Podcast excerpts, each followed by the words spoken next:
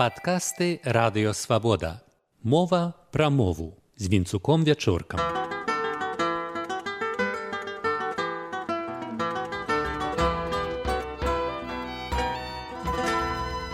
Вітаю шаноўнае спадарства. Надоячы прачытаў у сеціве патрыятычны спокліч. Будь мужиком, размаўляй па-беларуску. Думаю, аўтар хацеў толькі добрага заклікаць мужчынскую частку аўдыторыі не камплексаваць і гаварыць на нашай мове. Але пры гэтым узяў жыўцом з расейскага семантычнага поля з расейскага прастамоўя слова мужик у значэнні мужчына. Гэтае будь мужиком стокроць паўторанае ў расійскіх бандыцка-міліцэйскіх серыялах, у расійскім армейскім асяроддзе.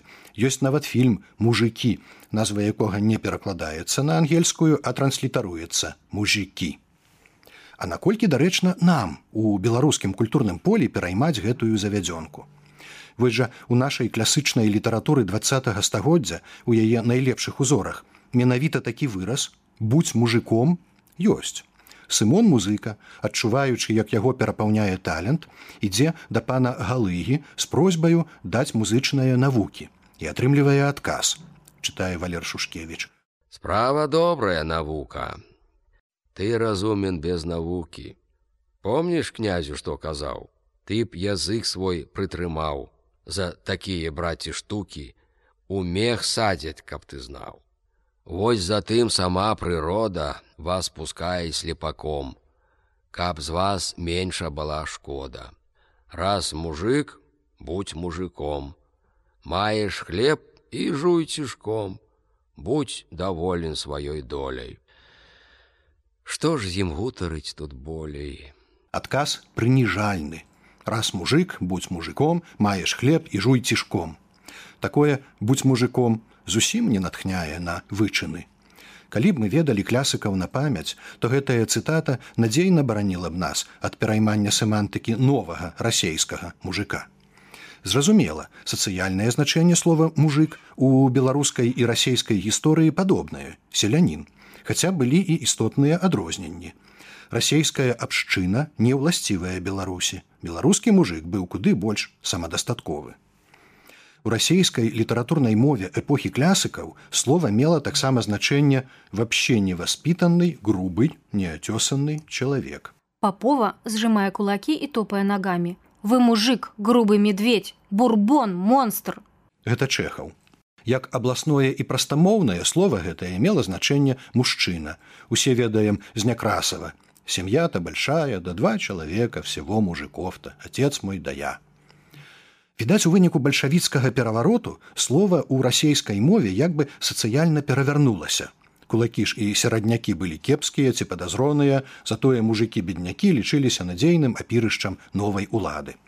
Акрамя таго, слова мужик заняло важнае месца ў савецкім турэмным жаргоне, Мужыкі гэта найбольш лічэбная катэгорыя вязняў, якія не залічваюцца ані да так званых блатных ці то чорных, ані да так званых актывістаў чырвоных, якія супрацоўнічаюць з органамі. Такі сабе турэмны просты народ. Зважаючы на тое, што велізарны працэнт савецкіх грамадзянаў прайшоў праз турмы і лягеры, не дзівімся пашырэнню крымінальных слоўцаў у расейскай агульнанароднай мове. А што ў беларускай мове? У гаворках што зафіксаваў яшчэ насовіч, бытавалі тры асноўныя значэнні гэтага слова. Першае муж, мужик мой хворы. Мужука яе ўзялі ў некруты, дак яна і плачыць па мужуку. Другое значэнне селянін на агул. І трэцяе нявыхаваны чалавек, як ты сядзіш мужик. Беларуская мова ў 19 стагоддзі была загнаная ў сацыяльную нішу сялянства, што грэбліва падкрэслівалі розныя беларусаеды. Францішак Багушевіч у сваім крыку душы прадмове да дудкі беларускай пярэчыць менавіта гэтаму. Сяржук сокала ў воюш. Братцы мілыя, Дзеці зямлі маткі маёй.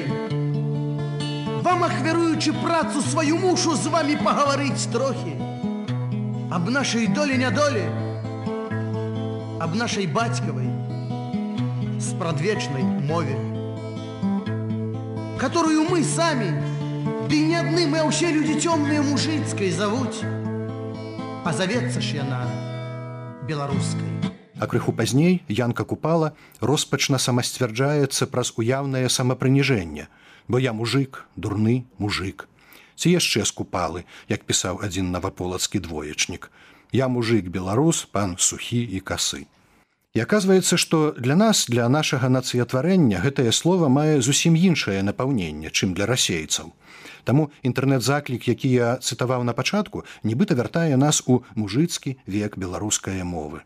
Слова мужик у значэнні нейкага брутальнага мачо нашаму нацыянальна-моўнаму наратыву не ўласцівае абсалютна. І яшчэ істотны момант. Цяпер многія дашукваюцца сваіх каранёў, старанна хаваных бацькамі дзядамі, каб дзецям унукам за саветамі не было праблемаў. І высвятляюць для сябе, што цяперашні беларускі народ сфармавалі розныя годныя людзі, і сяляне, і мяшчане, і вайсковы стан шляхта, якой, дарэчы, бывала і да 12 процентаў нашага насельніцтва, і святарскі стан, і нават нашчадкі графаў і князёў. І кожны стан варты пашаны. Вось скажэце графу прушынскаму будь мужиком. Гэта вядома жарт. Але по-беларуску лепей скажам дзеля выхавання сыну подлетку будь мужчынам. З вами быў вінцук вячорка.